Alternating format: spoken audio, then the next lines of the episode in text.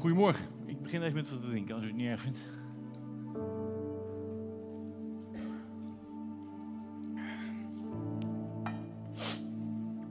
Oké. Ik ben blij hier te zijn vanochtend. Ik heb soms van die preken waar je in de week voordat je uh, op moet echt strijd ervaart. Iedereen die spreekt zal het waarschijnlijk herkennen. En het was druk in Huizen Renoy en het is druk altijd in november, december. En ik had wel voorstudie gedaan voor deze preek en ik had natuurlijk alles bestudeerd, maar het stond nog niet op papier. En de hele tijd schoot door mijn gedachten, ah, dat komt vrijdag en zaterdag wel. En dan kreeg ik ook rust voor op mijn hart, want normaal zorg ik altijd wel dingen een week van tevoren klaar liggen. Ik was over kan denken. Maar ik had er rust voor. Ik denk, het komt goed. Ja, donderdagavond overigens ook hier nog een fantastische avond gehad. Met de, de cursusavonden Leef. Zorg dat je erbij bent, zou ik bijna willen zeggen. Michiel had het prachtig over en we gingen uh, opgebouwd naar huis. En vrijdagmiddag stappen we in de auto en raken we op volle snelheid met 100 km per uur betrokken bij een ongeval op de A15.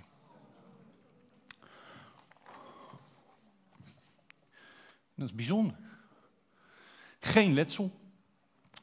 Relatief weinig schade. Ik heb van onze lieve heer gelukkig een degelijke Duitse auto onder mijn kont gehad. Bernd zat gelukkig niet in de auto. Niemand van de betrokkenen heeft verwondingen. Alleen een hoop spierpijn. En we staan nog lekker te trillen. En diezelfde middag krijg je dan al vervangend vervoer voorgereden. En rij je alweer rond of er niks gebeurd is. Maar mijn hoofd en mijn lichaam denken er anders over. En toen ging ik vrijdagmiddag zitten.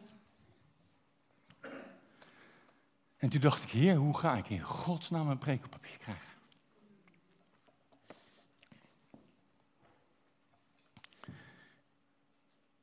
Ik heb het gisteren, ik heb in één keer, het bijzondere is, dan ga je zitten en dan knal je in één keer iets op papier. En ik heb het gisteren, u ziet, de adrenaline zit nog in mijn lijf. Als je ADHD hebt, is dat echt een fantastisch voordeel. Dat blijft nog een paar weken waarschijnlijk. en uh, gisteren natrillend geprobeerd door te lezen. En, uh, uh, maar vergeef me dus bij deze opformaat vandaag wat valse nootjes. En een trillende stem en wat handjes. Want dat gaat nog niet helemaal. Die denken er nog niet helemaal aan, zeg maar. Voor de rest is alles goed gekomen. En ik bedoel, hier in mijn hoofd eh, gaat het allemaal wel. Alleen mijn lichaam die staat toch een beetje te stuiteren en het verrekt van de spierpijn. Maar goed, voor de rest, het is goed. Dus ik ben dankbaar hier te staan. Ik ben echt blij. En we gaan vandaag verder met onze reis um, door het Johannes-evangelie. We zijn aangekomen bij hoofdstuk 8. Versen 1 tot en met 12 staan op het menu. En toch eerst wil ik nog even terug naar hoofdstuk 7. Hoofdstuk 7 en hoofdstuk 8 zijn echt gelinkt. Hoofdstuk 7 heb ik vorige keer uitgebreid over gesproken, over het Loofhuttenfeest. En uh, ook straks zal ik daar nog wat woorden aan wagen, want deze geschiedenis in hoofdstuk 8 is onlosmakelijk ook met dat feest verbonden. Het vindt namelijk plaats de dag na het Loofhuttenfeest. En nu zat het ook weer in hoofdstuk 7. Jezus, Jezus ging toch, hè, Jezus ging naar het Loofhuttenfeest, maar hij ging stiekem. Want de Joodse leiders wilden hem te pakken nemen, maar het was zijn tijd nog niet. Pas over een half jaar is het Pasen en pas dan wil hij als het paaslam ons leven redden aan het kruis. Maar halverwege het Loofhuttenfeest duikt hij toch ineens op in die tempel en leert hij het volk. En gelijk wordt de tempelbewaking erop afgestuurd, maar die komen met lege handen terug. Oh, je mag de dia laten staan tot ik zeg volgende dia, als je niet vindt. Anders dan verklappen we allemaal dingen. En ik wil inderdaad een stukje met u lezen. Uh, het slot van hoofdstuk 7, om ook even in de sfeer te komen van uh, hoofdstuk 8. Johannes 7, vers 45 tot en met 53. De mannen van de tempelbewaking gingen weer terug naar de leiders van de priesters en de fariseërs. Die vroegen hen, waarom hebben jullie hem niet meegebracht? ze antwoordden, nog nooit heeft iemand zulke bijzondere dingen gezegd als hij. De fariseërs zeiden tegen hem, heeft jullie ook al omgepraat? Jullie leiders en de fariseërs geloven toch ook niet dat hij de Messias is? Alleen de gelovige mensen geloven dat, alleen de gewone mensen geloven dat, doordat ze de wet van Mozes niet goed kennen. Vervloekt zijn ze.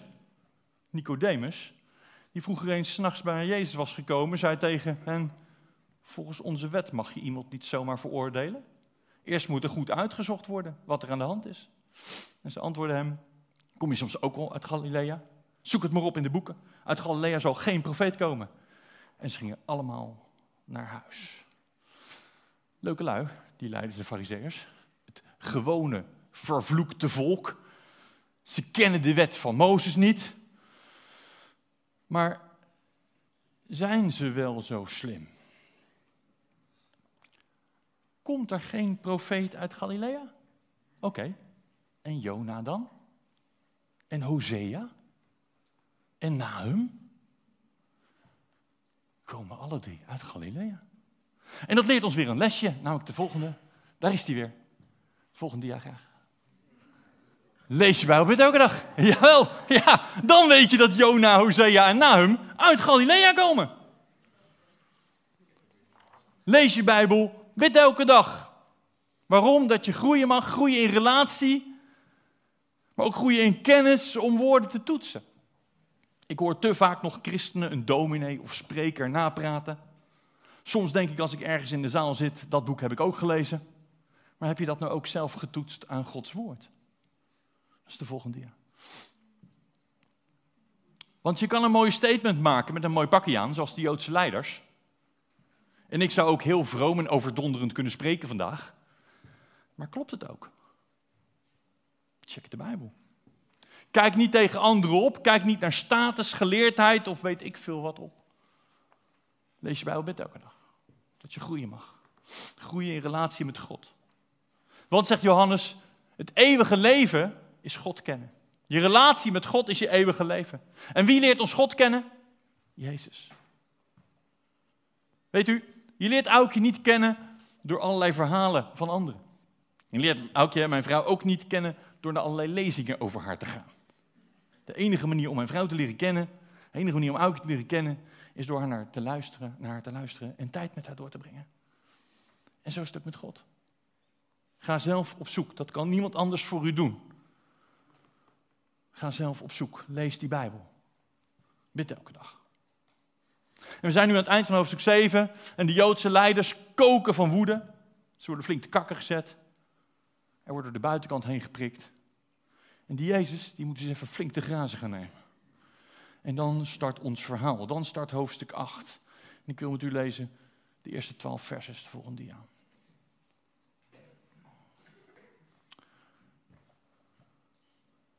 Na dat hele tumult staat er, Jezus gaat naar de Olijfberg.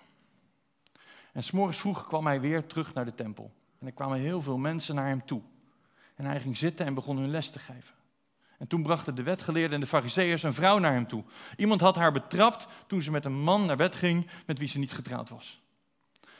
Ze zetten haar midden in de kring van mensen en zeiden tegen hem: Meester, we hebben gezien dat deze getrouwde vrouw daarnet met een andere man in bed lag. Mozes heeft in de wet gezegd dat zo iemand met stenen doodgegooid moet worden. Wat vindt u dat er met haar moet gebeuren? Ze vroegen dat omdat ze hoopten dat hij iets verkeerd zou zeggen. Ze wilden hem ervan kunnen beschuldigen dat hij zich niet aan de wet hield. Want dan konden ze hem gevangen nemen. Maar Jezus bukte zich en schreef met zijn vinger in het zand. Maar ze bleven verder vragen. En daarom kwam hij overeind en zei tegen hen: Wie van jullie is nooit ongehoorzaam aan God? Laat hij als eerste een steen naar haar gooien. Toen bukte hij zich weer en schreef verder op de grond. Maar toen ze dat hoorden, drong het tot hen door dat ze zelf ook niet altijd leefden zoals God het wil.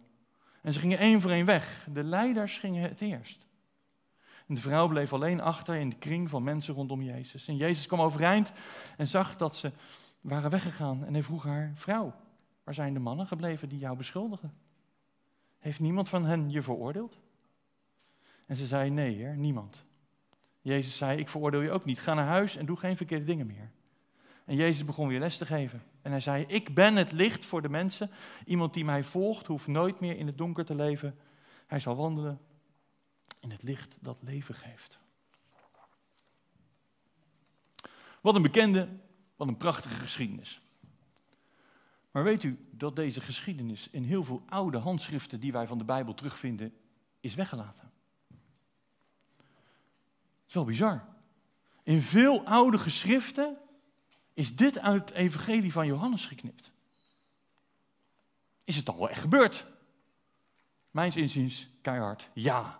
Waarom? Nou, A, anders stond het niet in de Bijbel, dan had God het wel voorkomen. En twee, het past ook in het totaalplaatje van de boodschap van het Nieuwe Testament. Waarom dan weggelaten? Augustinus, een van de eerste kerkvaders uit de derde eeuw, die geeft ons het antwoord in zijn notitie over overspelige huwelijken. Daar schreven ze toen al boeken vol over, kennelijk. Hij zegt, het is vaak weggelaten, er is vaak niet over gesproken uit angst voor wetteloosheid. Want wat als zelfs overspel niet meer bestraft mag worden? Ja, dan is toch het einde zoek. Wij mensen zijn toch ook echte fatsoensrakkers, vindt u ook niet? En met name christenen. Het is ook vaak onze toon geweest. Je moet goed leven. Maar is goed leven nu ook echt de boodschap van de kerk? Ik heb u al eerder gedeeld. Het aantal echtscheidingen, verslavingen, seksueel misbruik en zelfs moord en doodslag zijn in christelijke kringen net zo hoog als daarbuiten. En als goed leven onze voornaamste boodschap is, nou, dan zijn we echt verkeerd bezig, denk ik. En toch hebben we het heel lang gepreekt. Vraag aan iemand wat een christen is en je krijgt waarschijnlijk het volgende antwoord. Als ik het voor de klas vraag, jongens, was nou een christen? Dan krijg ik vaak het volgende antwoord. Zelfs soms van mensen, van kinderen, die hun hele leven in de kerk hebben gezeten. Dan krijg je als antwoord iemand die zich streng houdt aan de geboden en de regels van de Bijbel. En als hij dat doet, mag hij naar de hemel en anders gaat hij naar de hel. En als ik voor de klas sta, heb ik dan altijd zoiets van: gefeliciteerd, je bent een fantastisch moslim. Toch hebben wij deze boodschap als kerk gepredikt. En zo kreeg het fariseïsme voet aan de grond in de kerk. En het heeft de kerk aan het wankelen gebracht. Onze voornaamste, onze voornaamste boodschap is echt anders. De eerste boodschap die wij zouden moeten spreken is: God redt zondaar. Laat dat duidelijk zijn. Kom naar huis moet onze boodschap zijn. Check de musical message van vorige week. Kom naar huis. Je bent meer dan welkom. In deze tekst wordt overigens ook de zonde van deze dame helemaal niet goed gepraat door Jezus. Immoraliteit wordt sowieso door Jezus niet gedoogd.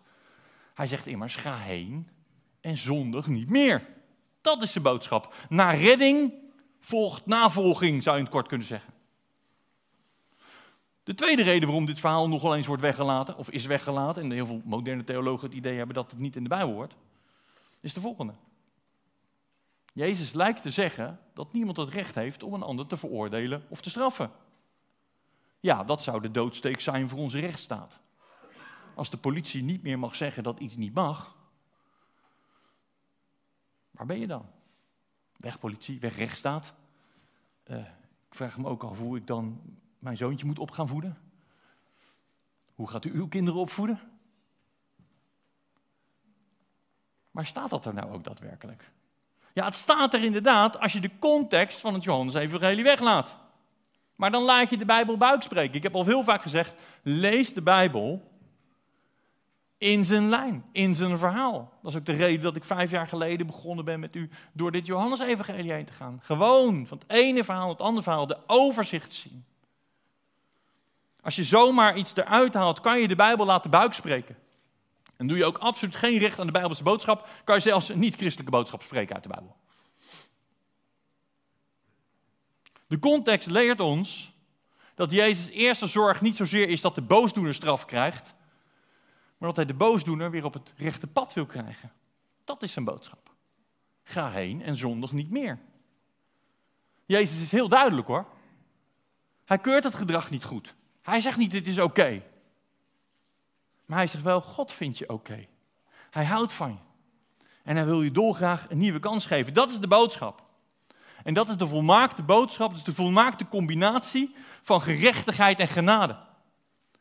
De boodschap van Jezus is gerechtigheid en genade.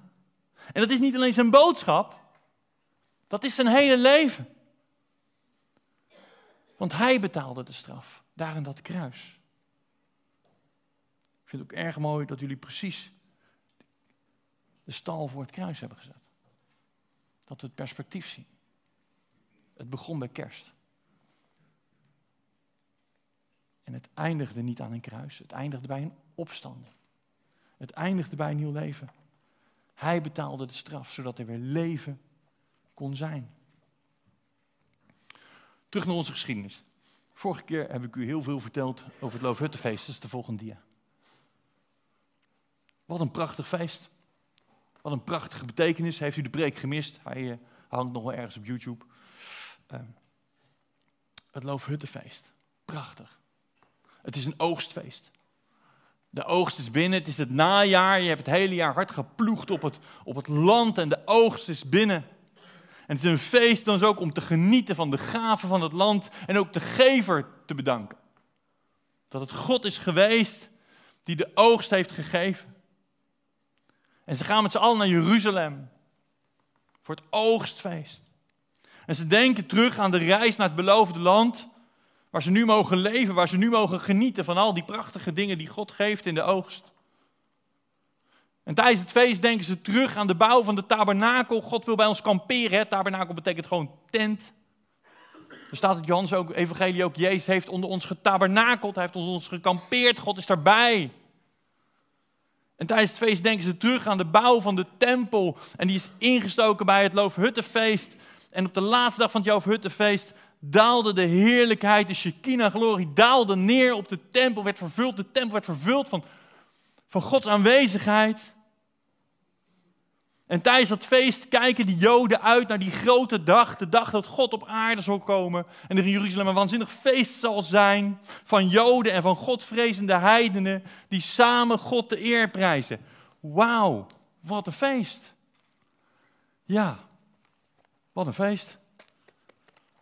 Op papier ziet het er prachtig uit. Maar de praktijk leert ons helaas anders. Dat de volgende dia. Het grootste deel van de Jeruzalemgangers kwam om te zuipen, te gokken en te knokken, leert de Joodse geschiedschrijving ons. Het was een losbandig, immoreel feest geworden. Zuipen, gokken, vreten, veel opstootjes. De handhaving was blij als het er weer op zat en de rust herstelde in Jeruzalem. En die dag is aangebroken. Het feest is voorbij in deze geschiedenis. Het is de dag na Gisteren was de klapper, de achtste dag. Iedereen ging uit zijn dak. Het zal dus ook niet echt moeilijk zijn geweest voor de fariseeën om iemand op overspel te betrappen. Er werden die ochtend waarschijnlijk wel heel veel meer mensen wakker in het verkeerde bed. Na alle alcohol en feestbazuintjes. Het heeft de fariseeërs dus weinig moeite gekost om een vrouw te vinden voor hun snode plannetje. Want dat plannetje, dat heeft wel tijd gekost. Want het is namelijk op zijn zachts gezegd geniaal.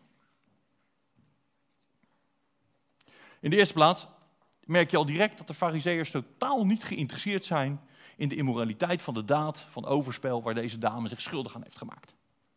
Waar is immers de man in deze geschiedenis? Deuteronomium 22, vers 22 zegt heel duidelijk: zowel de man als de vrouw zouden, die betrapt worden op overspel, zouden gestenigd moeten worden. Nee, ze gebruiken ze, misbruiken deze dame voor hun eigen zaakjes. Je zou het bijna een vorm van verkrachting kunnen noemen. Ze is slechts aas voor hun valstrik. En daarmee zijn de heren net zo slecht bezig als de daad waarop deze dame betrapt is. Ik noemde de valstrik zojuist geniaal. Wat bedoel ik daarmee? Dat is de volgende. Ja. Nou, elk antwoord dat Jezus zou geven, zou een groep mensen beledigen en zou grote consequenties hebben voor zijn populariteit en zou zelfs zijn leven in gevaar kunnen brengen. In de eerste plaats zijn volgelingen. Denkt u even na. Jezus stond bekend als een vriend van zondaren. Wat zou er met zijn reputatie, met zijn populariteit gebeuren als hij haar vonnis zou goedkeuren? Als hij zou instemmen met de executie? Wat zou er gebeuren met zijn populariteit? Als hij dit niet zou vergeven, omdat het in de wet stond? Dat is de eerste groep. De tweede groep, de Joodse leiders. Zij waren de bewakers en de hoeders van de heilige schriften van de wet. En zij zouden Jezus direct afschilderen als iemand die dingen leert die niet in de Bijbel stonden. Als hij de steniging zou willen voorkomen. Hij zou worden betiteld als een valse profeet. En we weten dat Jezus ook heel veel orthodoxe Joden onder zijn gevolg had. Denk aan Nicodemus. Wat zouden de orthodoxe Joden die Jezus volgden zeggen? Als hij dit zou voorkomen. In de derde plaats, daar had u misschien nog niet aan gedacht, maar de Romeinen. Het Joodse volk mocht geen executies afnemen. Dat was verboden door de Romeinen. Dus als Jezus zei dat deze vrouw wel geëxecuteerd mocht worden, dan zou die opgepakt kunnen worden, zou die gestraft kunnen worden. Want alleen de keizer of zijn afgevaardigde mocht mensen het recht op leven ontzeggen. En Jezus zou dan ook gelijk afgeschilderd worden als een vijand van Rome als hij de steniging zou goedkeuren. Er was dus absoluut geen goed antwoord te geven door Jezus op de vraag van de Joodse leiders. Wat vindt u? Wat moeten we met deze vrouw doen? Dit zegt de wet. En Jezus blijft in eerste instantie dan ook stil. Hij bukt zich en hij begint in het zand te schrijven. Oké, waarom? Ik bedoel, we kennen inmiddels het evangelie van Johannes. Weet u nog? Hij schrijft geen woord te veel. Hij heeft dit heel bewust opgeschreven. Jezus schrijft, de volgende. En Johannes is duidelijk, zometeen verwijst hij er ook nog even naar. Jezus is God. Dus het is hier God die schrijft. Oké. In lijn van Johannes moeten we dan gaan nadenken. Oké. Heeft God eerder geschreven? Absoluut. Jazeker. Laten we het Oude Testament erbij pakken. De eerste keer dat we lezen dat God schrijft, is bij de Sinaïs, de volgende. De tien geboden. God schreef de wet. Waarom ook alweer? De Bijbel zegt vanwege de hardheid van onze harten. De wet brengt namelijk veroordeling. De wet laat zien wat er werkelijk speelt. Toont aan dat we schuldig staan voor een heilige God. God schreef dus veroordeling op de Sinaï. Hij bracht onze zonde aan het licht. Dat is de eerste keer dat God schreef. God schreef nog een keer in het Oude Testament. In Daniel hoofdstuk 5 is de volgende dia. Koning Belshazzar had Jeruzalem geplunderd, had het tempelgoud meegenomen en het zilver gestolen. Hij gebruikte het bij een staatsbanket. En dan ineens verschijnen op de muur de letters Mene, Mene, Tekel, Ufasim. En het is Aramees en ik kan het niet lezen. En Daniel wordt erbij gehaald. En Daniel zegt, Mene, Mene. Die zegt, dat, dat is tellen, dat betekent de dagen van uw koningschap zijn geteld. Er komt een einde aan. Tekel betekent gewogen. U bent gewogen en u bent te licht bevonden. Uw farsi verdeling. Uw koninkrijk is verdeeld en aan de mede en de persen gegeven. Dus als God in het Oude Testament schrijft, dan schrijft hij veroordeling. En Johannes, die doet dus echt opzettelijk hiernaar verwijzen. Even voor de goede duidelijkheid, dat is geen Renoy-wijsheid. Check namelijk maar even Jeremia 17, vers 13, dat is de volgende dia. Daar staat het volgende, God zegt daar, wie zich van mij afkeren, zullen in de aarde worden geschreven, want ze hebben de bron van het levende water, de Heere, de Yahweh, de ik ben erbij, verlaten. Ook trouwens een prachtige verwijzing naar datgene wat Jezus hiervoor zei. Hij zei, iedereen die dorst heeft moet naar mij komen, want ik ben het levende water. Dus Jezus veroordeelt wat hier gebeurt. Hij doorziet perfect wat er aan de hand is. Hij kent hun harten en hun drijfveren. En Jezus schreef dus veroordeling in de aarde. De rechters worden berecht. Trouwens, even heel iets anders. Is het u wel eens opgevallen dat wanneer Jezus is opgestaan uit de dood en teruggaat naar de hemel, dan schrijft God ineens namen in het boek des levens. Jezus is de ommekeer. Door hem is de duivel, de aanklager, uit de hemel geworpen en kon God schrijven in het boek des levens. Check je openbaringen 12. De aanklager is uitgeworpen. Voordat Jezus daar dat offer bracht, kon God alleen veroordeling schrijven. En nadat Jezus zijn leven gegeven heeft, gekruisigd is, opgestaan is als de eersteling, kan God namen schrijven in het boek van het eeuwige leven.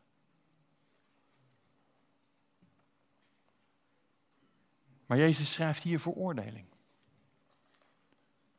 Jezus toont de rechters dat ze het recht niet hebben. Wie zonder zonde is, werpt de eerste steen maar. Jezus zei dat ook al duidelijk in de bergreden. Hij zei, oordeel niet of jullie worden geoordeeld met de maat waarmee je anderen hebt geoordeeld. Weet u, uit allerlei psychologische onderzoeken blijkt, Volgens psychologen zijn de zonden waar we het hardst tegen protesteren, de zonden waar we zelf het hardst mee worstelen. En Paulus schrijft het zo in Romeinen 2. Hij zegt: Jullie Joden zeggen voortdurend tegen mensen dat ze dat en dat niet moeten doen, maar jullie doen het zelf. En er is maar één verschil tussen die leiders en fariseërs en deze vrouw die hier aan de voeten van Jezus ligt. De fariseërs zijn niet betrapt. Maar nu wel. Jezus betrapt ze en schrijft hun veroordeling. En hij brengt hun daden aan het licht. De Bijbel is duidelijk. Iedereen zit in het zondarenbankje. Jezus voldeed overigens naar de mens niet aan de voorwaarden om deze vrouw te mogen stenigen. We weten allemaal natuurlijk, Jezus is God. En Jezus is zonder zonde. Maar volgens de Joodse wet in Deuteronomium was hij helemaal niet verplicht haar te stenigen. De wet van Mozes, Mozes gebiedt namelijk dat ze gestenigd moest worden door de mensen die getuigen waren geweest van de zonde van overspel. En dat is Jezus helemaal niet. Dus Jezus was aan geen enkele kant verplicht om haar te stenigen. Jezus veroordeelt de fariseer door in het zand te schrijven. Maar tegen de vrouw zegt hij, ik veroordeel je niet. Ga heen en zondig niet meer. Weet u, vergeving is meer dan vrijspraak. Het is een nieuwe kans. Vergeving is gericht op de toekomst. Jezus zegt in feite: ga, ik laat je vrij, maar ik leg je wel aan banden. Doe dit niet nog een keer. Doe het niet nog een keer. Doe het niet nog eens.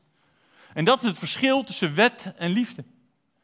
De wet straft de boosdoener, maar de liefde wil de boosdoener weer op het rechte spoor zetten. Liefde gaat verder dan de wet. Liefde biedt perspectief. En dan pakt Jezus zijn les weer op. Dat is de volgende dia.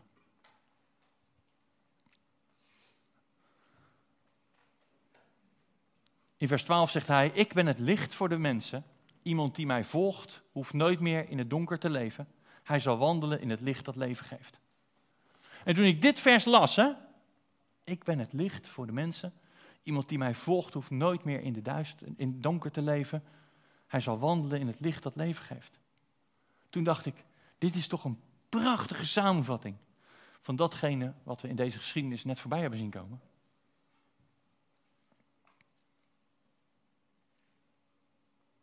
Ik ben het licht voor de mensen.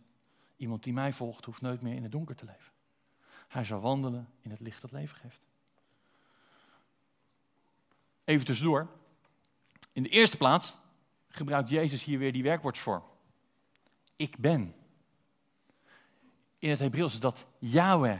En dat is de naam van God, waarvan de Joden hadden besloten dat ze hem niet uit mochten spreken. Maar onze God heeft een naam. Als Mozes zegt, wie moet ik zeggen dat mij gestuurd heeft om, om uw volk te bevrijden, zegt hij, ik ben Yahweh, ik ben, de, ik ben, ik ben erbij. En God heeft een naam en ik heb het al vaker gezegd, dat ik het zo ongelooflijk verdrietig vind. En hoe, hoe verdrietig is dit wel niet voor onze God? God zegt, dit is mijn naam. En de Joodse leiders zeggen, die mag je niet zeggen.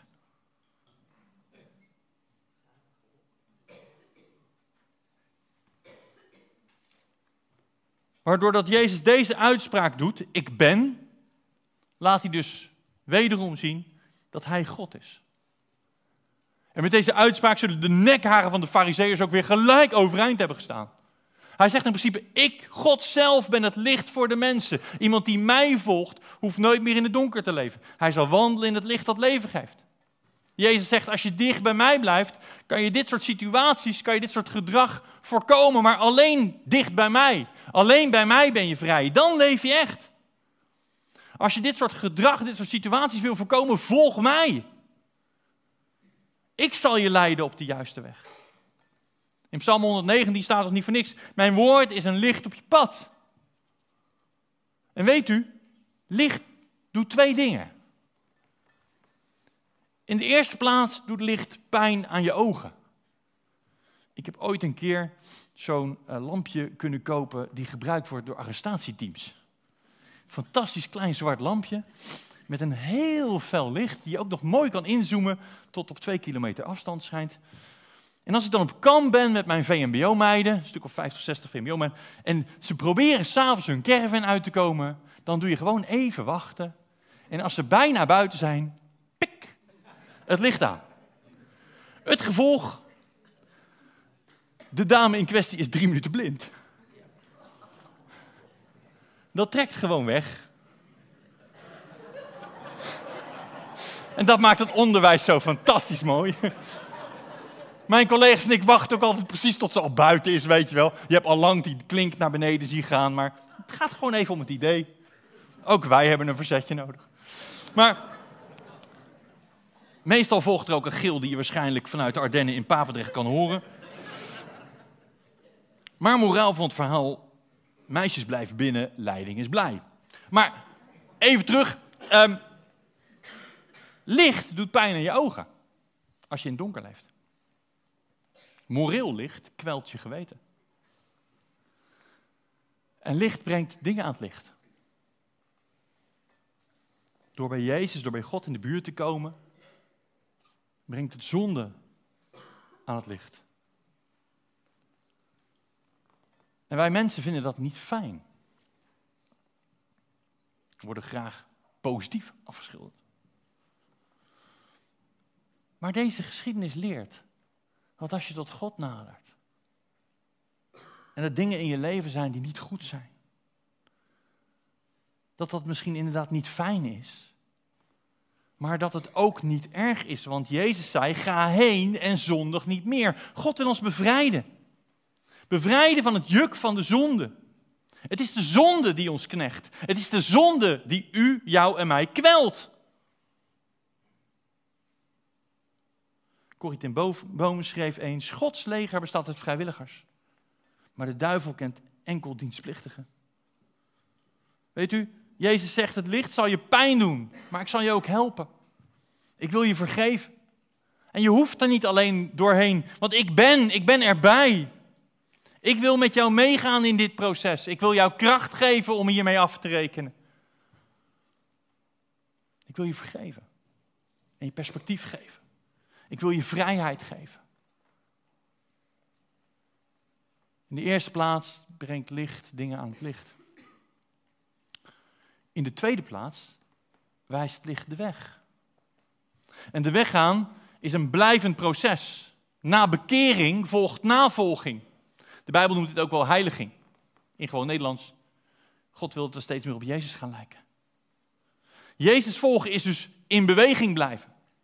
Dat is niet een eenmalige beslissing. Het is stap voor stap met hem meegaan. En dan, pas dan, zal er echte bevrijding zijn uit de duisternis die je nog in je leven kent. De boodschap van Jezus als je dicht bij mij blijft, zul je vrij zijn. Ga en zondag niet meer is een opdracht. Maak schoon schip. Ga serieus aan de slag om Jezus te volgen, want alleen in zijn licht zal je vrij zijn. Weet u, de biecht, vertellen wat je gedaan hebt, is niet populair in de evangelische wereld. Toch is het een Bijbels principe. Beleid je zonde. Betekent zoveel als reken ermee af. Hoe? Door naar het kruis te komen. Weet je, ik zie het vooral alleen vandaag zitten. Ik zat laatst op de stream te kijken en Petra werd gedoopt en ze gaf haar getuigenis. En dat was een behoorlijk indrukwekkend verhaal. Wat ik nog veel indrukwekkender vond, was dat ze na dit verhaal het podium afliep, naar de schoonouders liep. En zei, wil je mij vergeven? En toen dacht ik, wow, daar kunnen wij vastgeroeste christenen nog zoveel van leren. Wow, bedankt voor je voorbeeld. Ik wil zo meteen een moment nemen voor je om af te rekenen met die dingen in je leven die duister zijn. team mag vast naar voren komen. Voel je vrij om zo meteen naar voren te komen. Hier vooraan te knielen voor het kruis. Te beleiden wat je dwars zit. Want het zijn de zonden die je leven kapot maken. Het is de duisternis in je leven die je leven kapot maakt. En we mogen komen naar God. En we mogen beleiden, want kijk naar deze vrouw. Haar veroordelers werden veroordeeld En zij ging naar huis als een bevrijd mens. Kom naar voren en ervaar dat er geen veroordeling is. Ik wil zo meteen ook vragen, mochten mensen naar voren komen, willen ook de bidders naar voren komen. En de bidders ga je niet vragen, zo, wat heb jij gedaan? Wil je dat vertellen? Voel je vrij. Wil je dat niet delen? Kom gewoon naar voren, laat voor je bidden. Want duisternis moet vluchten in het licht. De mensen die met je bidden zullen dat dus niet vragen.